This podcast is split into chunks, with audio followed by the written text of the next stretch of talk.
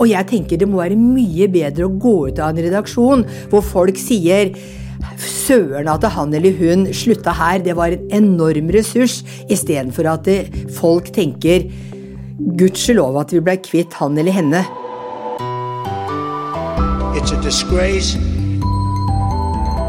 And I think they ought to apologize to start with. dominere mediebildet. Failing Media pile of garbage. False and fake, fake, fake, fake.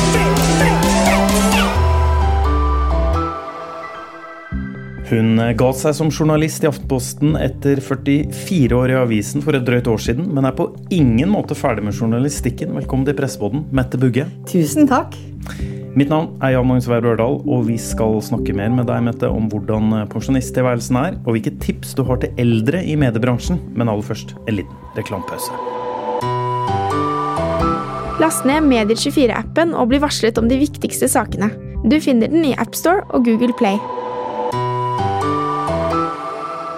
Mette Bugge, som nevnt i innledningen i eh, fjor, eller for ett år siden, da, 1.1 i fjor, så ble du altså pensjonist etter å ha jobba som sportsjournalist i Aftenposten i over 40 år.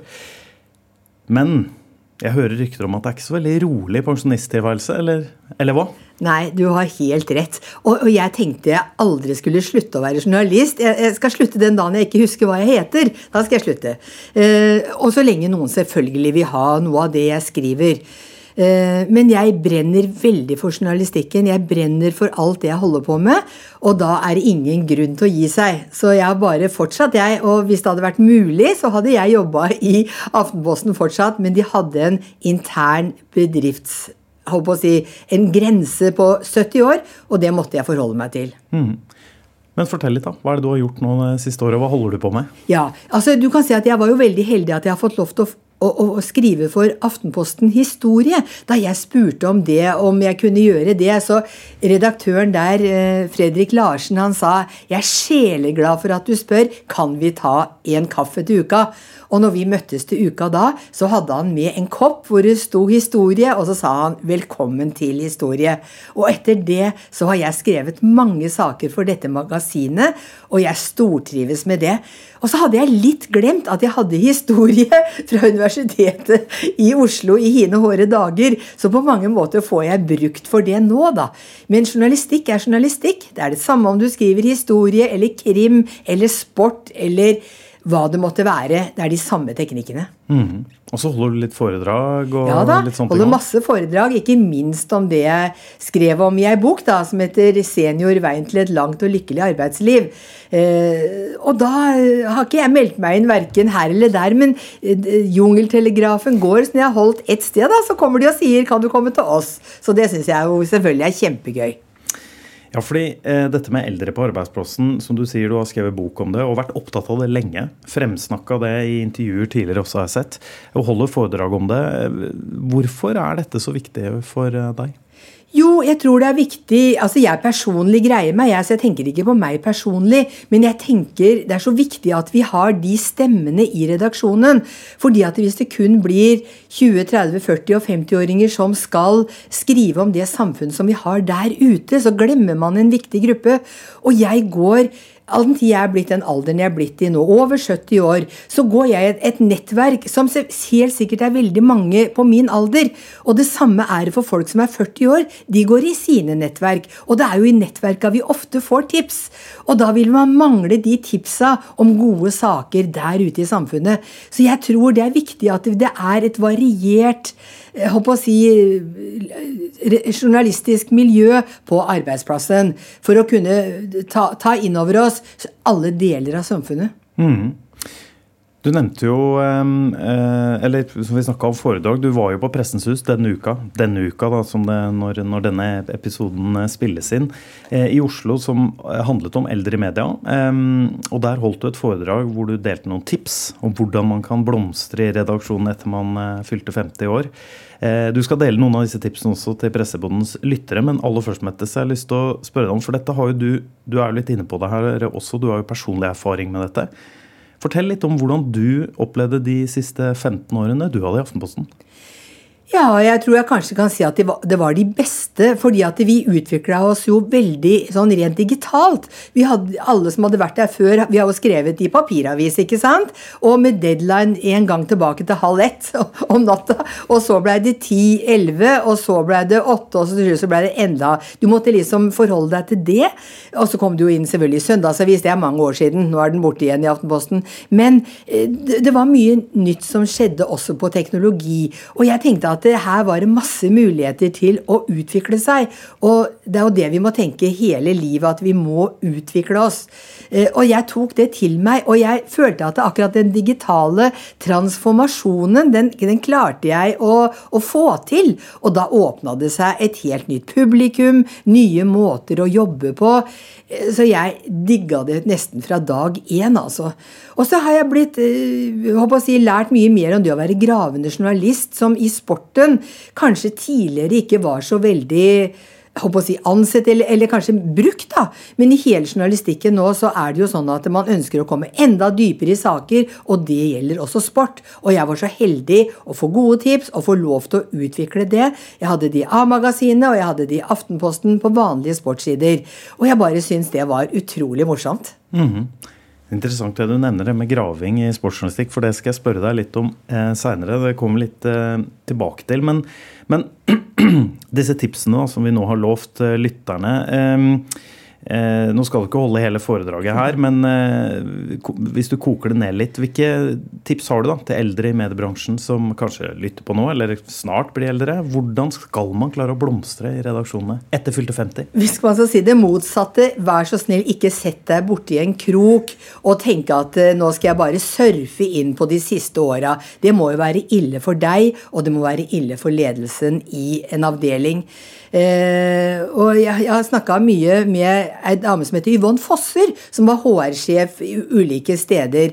Og hun eh, sa, når hun hadde noen som var veldig negative på jobben og prøvde å få dem ut, eller ikke prøve å få dem ut, men på å få dem opp, så, så sa hun at hvordan ønsker du å bli huska?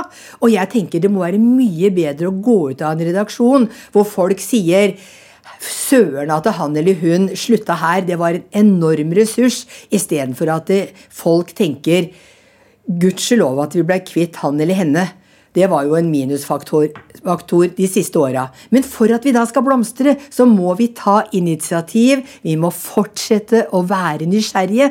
Og jeg kommer nettopp fra et frokostseminar hvor Nina Jensen, som har jobba, som er nå i Aker Røkke-systemet, hun sa vi må rekke opp handa! Vi må vise 'her er jeg'. Ja, ja til oppgaver. Og ikke minst må vi være åpen for å, å få mer kompetanse. For selv om vi har gått kanskje en journalisthøyskole for mange år siden, eller som jeg gjorde, gått universitetet, det er så lenge siden, det utvikler seg hele tiden. Vi kan ikke alltid bare tenke at ja, men jeg kan jo det. Det er så mye nytt å lære hele tida. Og så tror jeg det er utrolig viktig, og jeg, pleier litt flåsete å si være på parti med sjefen, men i alle fall eh, vite hva sjefen forlanger av deg, hva, hvordan han ønsker du skal jobbe og sånne ting. Eh, må, og, og gjerne utfordre til å sette krav til deg. Men også sette krav til deg sjøl. Er jeg fornøyd med den jobben jeg gjør? Kan jeg gå de ekstra jeg å si, mila eller meterne som trengs for å gjøre en sak enda bedre? Kan jeg undersøke enda mer? Og, og når du til slutt da kanskje får en veldig god sak, og sånn, så er jo det en fornøyelse. Mestring, alt det greiene der. Så, så sett krav til deg sjøl også, men også til en leder.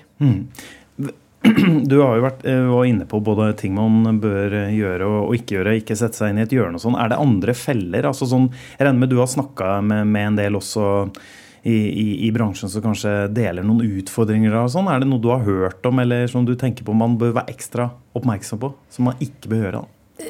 Altså det er vel kanskje det at det, På mange arbeidsplasser så er det sånn at når det er snakk om at det skal være mer med kompetanse, så har man veldig lett for å eh, rette seg mot de yngre, da. Man tenker at det er de vi må satse på framover. Eh, og hvis man føler seg kanskje litt oversett, da, for det gjør mange folk, de blir liksom ikke regna med, det er da man rett og slett må ta initiativ og melde seg på banen og si, vet du hva, jeg er her, jeg er også veldig interessert, jeg trenger dette. Men også foreslå ting. Foreslå sjøl. Jeg var så heldig at jeg hadde sjefer som når jeg sa kan jeg være så snill å få gå på et kurs, for jeg føler at det er viktig for meg, så fikk jeg faktisk alltid ja. Men, men du må begrunne det. Du må si jo, jeg vil gå dit fordi jeg, her er det noe å hente for meg. Jeg ønsker å utvikle meg enten som en featurejournalist, eller som en gravejournalist, eller krimjournalist, eller hva det måtte være. Og det er jo så mange flotte tilbud med Scoop og Datascoop og Fortellingens kraft i Bergen og, og det media i Bergen. Altså, det er så mye bra. Så shopp og prøv å komme inn på noen en gang i året, f.eks. Og NJ har jo også utrolig mye bra tilbud, så jeg tror at man aldri skal slutte å være nysgjerrig. Det er vel det dummeste man kan gjøre. Men stort sett så er jo journalister nysgjerrige. Men man må ikke gjøre noe annet enn det, selv om man skulle bikke 60 år. Eller 70 for den sakens skyld.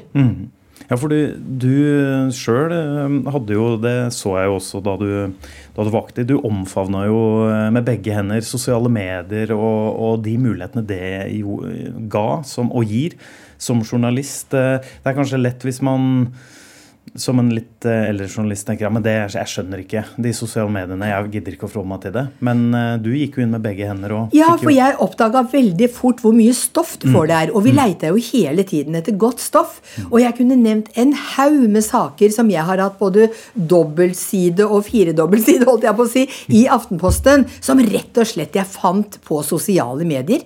Og da med en gang jeg så noen hadde lagt ut en post da, så skynda jeg meg å sende dem en melding. Hei, jeg ser at du skriver om dette nå. Er det noe du kunne tenkt deg og sagt til Aftenpostens lesere? Og jeg fikk alltid ja. Jeg skynda meg på. eh, og for jeg tenkte at når de da først har lagt ut disse sosiale medier, så er det jo ikke heller noen hemmelighet. Men, men på den måten så får man så mye å, å gå videre med. Så, så der, Derfor tenker jeg at man kan nesten ikke som journalist være utenfor sosiale medier, sånn som jeg ser det. Og da er jeg på masse plattformer, eh, både Facebook selvfølgelig, og Instagram og LinkedIn ikke minst. Det er veldig viktig. Og WhatsApp og hva det måtte hete, alt sammen. Så jeg, jeg prøver så godt jeg kan å følge opp der. Og har fått en stor også sånn følgerskare etter hvert. så godt at jeg måtte, For der har jeg 5000 liksom på det private. Så jeg måtte opprette noe som heter Mettebugge Sport. Som er en side, og der har jeg 2300. Og jeg har ikke gjort noe for å prøve å promotere for så vidt den, eller noe sånt noe, men, men jeg bare tenker at det er muligheter. Og du får også tips der. Så, som folk, liksom, Når de da ser navnet ditt og vet hva du står for, sender deg en melding og sier du, 'Jeg tror jeg har noe, kan du ringe meg?' Last ned Medier24-appen og bli varslet om de viktigste sakene. Du finner den i AppStore og Google Play. Eh, For å snu eh, Jeg spurte jo tips til eldre, men for å snu spørsmålet litt eh, også, Mette. For du har snakka om hva eldre bør gjøre, passe på å gjøre og ikke gjøre. Men har du noen tips til og forslag til yngre, eller sånn som meg, oss som er litt midt på treet i, mediebransjen, om hvordan vi bedre kan nyttiggjøre seg av å samarbeide med eldre kolleger? Ja, jeg tror, altså jeg, Heldigvis så er det ikke sånn at det er bare de eldre som kan en hel masse. Og så kan ikke de unge noe, for det oppdaga jeg jo på slutten i Aftenposten. Hvor mye flinke folk som kommer inn. Altså De er så flinke at jeg blir Jeg tenker, jeg var jo aldri der når jeg var 20-30 år, kanskje. Eh, Men da var det også andre tider, kan du si. De er utrolig flinke nå til å finne stoff, til å komme og foreslå gode saker. Så, men jeg tenker at eh, vi har eh, begge noe å fare med. Jeg, aldri, jeg, jeg følte at når jeg hjalp noen, så var jeg aldri redd for å spørre dem om hjelp. Enten det måtte være noe teknisk jeg liksom lurte på, og det var jo ikke noe hokus pokus, men når de viste meg, så skjønte jeg det med en gang. Og samtidig så vet jeg at i i journalistikken så er vi veldig avhengig av nettverk. Et kildenettverk du har bygget opp over tid, og ikke minst telefonnumre. Så å spørre eldre om å bidra til at de kan finne folk som de trenger, ikke sant? Og jeg har jo opplevd eh, på jobben hos meg at de, noen sa det jo, nå har vi prøvd å få tak i han. Vi har sendt mailer, vi har eh, SMS, og han svarer ikke. Kan du være så snill å ringe til den personen som jeg selvfølgelig hadde et godt forhold til? Og så tar jeg telefonen, og på første håper å si, på første ring så sier denne personen 'Hei, Mette, hva vil du?' Og da måtte jeg si 'Vet du hva, det er en kollega som står ved siden av meg, og han ville så gjerne fått noen få ord med deg. Er det mulig?' Ja, selvsagt. Ikke sant? For det er noe med forskjell når jeg er ute og intervjuer folk. Jeg tar alltid telefonnumrene deres, og så sier jeg, og så legger du inn meg, så vet du hvem det er som ringer når jeg ringer, for å si det sånn. Fordi man tar kanskje ikke telefonen fra et ukjent nummer eller noen man ikke har et forhold til. Så da benytt de eldre, og til de eldre del. Ikke sitt og hold på eh, kunnskap og telefonnummer og kilder. Del raust. Det er også et veldig godt råd til veteranene. Litt annet eh, spørsmål, samme tematikk selvfølgelig, Mette, men det har vært eh, det siste tiden eh, en del mediehus som eh, bl.a. man kan lese om i Medie24 da, en del mediehus som tilbyr sluttpakker, eller det de kaller for gavepensjon, til, til eldre. Dette var jo også et tema på den debatten vi, vi snakka om på Pressens hus denne uka. Hva tenker du om det? At det er, det var liksom Aller, Polaris, det er flere som, eh, som gjør dette nå? På et vis så forstår jeg at ting skjer om dagen, at noe må på en måte bygges ned.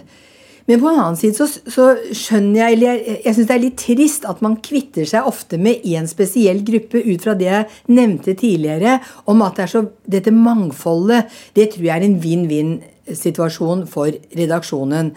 Og man ville jo aldri sagt at man bare kvitter seg med kvinnene ikke sant, eller eh, minoritetsgrupper eller noe sånt noe. Så, så jeg mener du mister det derre blikket inn i samfunnet fra den aldersgruppa som ofte er de beste konsumentene. Som er abonnenter på aviser, som eh, hører på radio og TV. Eh, så det er viktig å beholde dem, for hvis de føler at ikke det er noen som hvis jeg kan bruke, bryr seg om det de bryr seg om, da har vi mista et viktig aspekt. Så jeg tror at det, eh, jeg håper og tror at det, ja, det, det må kanskje noen sånne gavepensjoner til. Eller ikke pensjon, men gavepakker til. Men at det, det kanskje da man ikke må, må ikke presse ut noen, altså. Jeg, jeg tror det er utrolig viktig. Det må være voksne folk i redaksjonen, hvis jeg kan bare si det sånn. En annen ting som eh, også mediene selvfølgelig har vært veldig opptatt av de siste årene, er jo å nå unge lesere, lyttere, seere osv. Eh, det er ikke så mange som eh, snakker om å nå de eldre brukerne. De ser jo, ses jo tradisjonelt sett på som veldig trofaste brukere av mediene. Men, og kanskje man tar det litt for gitt, jeg vet ikke, men burde kanskje mediene ha litt mer fokus på denne gruppa i samfunnet også? Ja, jeg tror for det er en, for det første så er det en voksende gruppe. Vi vet hvor, eh, håper å si, hvor mange eldre som, som det blir i åra framover. Eh, og i sted, også, Det er mye bedre å ta dem som en, se den som en ressurs, fordi vi lever lenger, vi er friskere, og du vil sjøl oppdage det hvis du forhåpentligvis har helse og den slags, at når du kommer i 70-årsalderen, så, så vil du faktisk tenke Hæ, er jeg 70 år? Jeg føler meg som jeg er 50, liksom. Ikke sant? Det er ikke sånn at du plutselig våkner opp, og så kan du ingenting, og du Ikke sant, sånn gjennomsnittet, da. Du er den du er, og er du nysgjerrig og, og sånn, så på en måte så kan du leve et utrolig flott liv, bare for å si det. Men, men som sagt, denne gruppen som vi da jeg, jeg ser hvordan jeg har endra meg. fordi at når jeg hadde små unger, så var jeg veldig opptatt av barnehage og den slags. eh, Legge forhold til rette. Og så får du unger i skolealder. Ja, da er det skolen og, og universitetsutdannelse eller, eller annen utdannelse som er utrolig viktig. Du kan si at jeg bryr meg liksom ikke så mye om barnehager nå, når jeg er i en alder på 71 år. Men jeg bryr meg kanskje om helse, leveforhold for voksne mennesker, hvordan det blir lagt til rette, hva politikerne tenker. Det blir noen andre innfallsvinkler. Så jeg tenker at vi, vi Igjen, vi må ha folk som representerer alle aldre for å fange ulike perspektiver. En ting som eh, lovte også tidligere episoden vi skulle snakke litt mer om, er, eh, som jeg vet også du er brennende for fortsatt, selv om du ikke er sportsjournalist lenger, så brenner du for sportsjournalistikken. For eh, som du også var inne på, så er det jo, eh, og jeg er jo tidligere sportsjournalist sjøl, så jeg har lyst til å spørre deg om, eh, om hva du tenker om den lille endringen som har vært de siste årene, med fra litt sånn eh, ja, det man kanskje kaller litt sånn jubeljournalistikk som, og, og, og hendelsesbasert eh, journalistikk som var før innen sportsjournalistikken, mens nå er det mye mer graving, undersøkende journalistikk, avsløringer. Nå har liksom riks, veldig mange av de store riksredaksjonene egne gravgrupper osv. Hvordan øh, opplever du sjøl det s- skiftet, og hva syns du om sportsjournalistikken anno 2023? Endringen det var jo en, en dyd av nødvendighet. fordi at jeg har jo også vært med på å øh, skrive saker om at øh, Bekkelaget vant 23-19 over Nordstrand, og Kari Hansen skåra ti mål og aldri skåra så mye før. Jeg har jo også vært med på det, for sånn var det før. Og så kom det digitale inn, og ikke minst nettet, ikke sant? hvor disse sakene kom ut på nettet med en gang. Manchester United har vunnet 2-0 over, ikke sant? Sånne ting. Og hva skulle da avisene for det første skrive om? Jo, da måtte de endre seg til å komme mer dypere inn. Hvorfor skjedde dette? Hva vil skje i fremtiden? Ta opp temaer. Og jeg syns det er utrolig viktig, og ikke minst interessant. For skal du, la meg si, lese en, også en papiravis i dag, så vil du ikke ha gårsdagens nyheter. Du vil ha eh, noe som peker fremover, noen gode intervjuer og sånn. Og så har vi dette med gravejournalistikk, som man kanskje har vært litt seint ute i, i sportsjournalistikken. Eh, men det er klart at etter hvert så oppdaga man at selv i sporten, for å bruke det uttrykket, så er det mye å ta tak i. Doping og alt det var liksom én ting. Økonomi noe helt annet. Altså det er det er ikke en dag uten at det er temaer som er utrolig interessante. Eh, Metoo- Metoo-bevegelsen, når den kom opp, der, det fantes jo også ikke sant, sånne ting i idretten. Så, så jeg, jeg synes da, at sporten, og selvfølgelig andre sider av journalistikken, har løfta seg til et nytt nivå når vi greier å, å bore i disse sakene, greier å avdekke. Og for det såkalte samfunnsoppdraget så er det jo utrolig viktig, fordi det er jo det pressen skal være, den fjerde statsmakt. Man skal kunne løfte på både dyner og steiner, for å si det sånn, for å se hva ligger under her. Er det noe som vi bør skrive om? Er det så stort at vi bør skrive om det? Og eh, on that note, som det heter på godt norsk, eh, er det noe er det noe journalistikk som i det siste som har imponert deg, eller fått deg til å stoppe opp? Gjerne, altså sportsjournalistikk, men gjerne Ja. noe annet også. Nei, da, jeg synes jo, Hvis vi la, la meg si holde oss til sporten, da, så syns jeg jo det blei, har blitt mye bra i forbindelse med fotball-VM i i utlandet, holdt jeg på å si, i Qatar. Eh, jeg syns det var mange som var, flinke der. Og jeg vil jo fremheve det er mange dyktige journalister, men jeg syns jo VG er veldig flinke. De har masse folk. De, de, jeg syns de er imponerende på mange måter til å løfte fram nye temaer og sånn. Altså, jeg vil si det. Og så er det jo ja, innen annen journalistikk, det er jo veldig ofte veldig gode saker som, som kommer fram. Så mange ganger tenker jeg oi, du verden, hvordan har de klart det? Tenker jeg noen ganger når jeg ser hvor store saker som plutselig ingen har tenkt på eller klart å avdekke. Så, jeg, så jeg kan ikke trekke fram akkurat noe i farta, men det er jo utrolig viktig journalistikk. Vi, har, vi kunne snakka lenge, tror jeg, Mette. Flere spørsmål vi, vi kunne stilt deg også. Men eh, du er jo så travel, så du må gå videre til en ny avtale. Så jeg lurer på om vi skal gå eh, inn for eh, landing her. Men et siste spørsmål som jeg bare lurer på som da tidligere sportsjournalist, ser du, hvordan konsumerer du sport nå? Ser du like mye sport som før, eller har du tona det litt ned? Altså, Jeg er like interessert i sport som før. eh, og jeg skal holde på å skrive ei bok om sport nå, faktisk, som skal komme neste år. Eller nå må jeg også si neste år, ikke neste år. Det, det blir i år, for vi er jo i 2023. Og jeg er medlem av Sportsjournalistenes forbund, og jeg prøver å hjelpe sportsjournalistfolk som skal bli sportsjournalister, til å vokse. Jeg holdt faktisk et foredrag, to foredrag i Bergen nå i høst med journaliststudenter som ville bli sportsjournalister. Og det gledelige er da at i går fikk jeg melding av ei jente som sa jeg har fått eh, sommerjobb i Aftenposten. Jeg oppfordra dem veldig til å søke, for det er alle muligheter der, ikke minst for kvinner. Fordi det ble aldri ansatt noen kvinne etter meg, selv om jeg vet at de gjerne ville ha det, men så fant de ikke noen. Men jeg, bare, jeg har lyst til å bidra til at eh, kvinner, og gjerne menn også, kan vokse og fortelle dem hvordan sportsjournalistikk journalistikken er i dag. Og så skriver jeg noen saker i sport, og jeg har tenkt å gjøre mer. Men jeg har fått så mange tilbud, så jeg liksom bare eh, må få unna noe først, for å si det sånn. Og en av de tingene skal du nå mm, haste videre til en, en avtale, så jeg sier at det var det. Takk for at du stilte opp i Pressebåten, Mette Bugge. Og lykke til videre med det Ja, jeg holdt på å si pensjonisttilværelsen. Er jo nesten feil å si, men ja. jobbtilværelsen? Ja da, det, Ja. jobbtilværelsen er bra. Jeg, når, når folk sier sånn pensjonist til meg, så snur jeg meg rundt og lurer på hvem snakker de til egentlig. For, eh, for det første er jo eh, 72 år er jo i mange bedrifter er jo eh, en slags pensjonistslutt, for å si det sånn. Så vi kan kalle det senkarrieren. I senkarrieren, det er da vi må eh, vokse hvis vi vil det. Lykke til videre med scenkarrieren, eh, Mette Bugge. Neste uke er det ny episode og ny gjest her i Presseboden. Da høres vi da.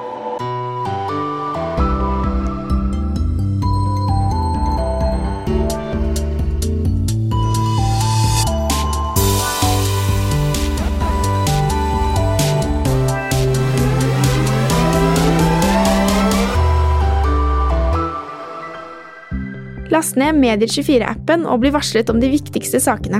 Du finner den i AppStore og Google Play.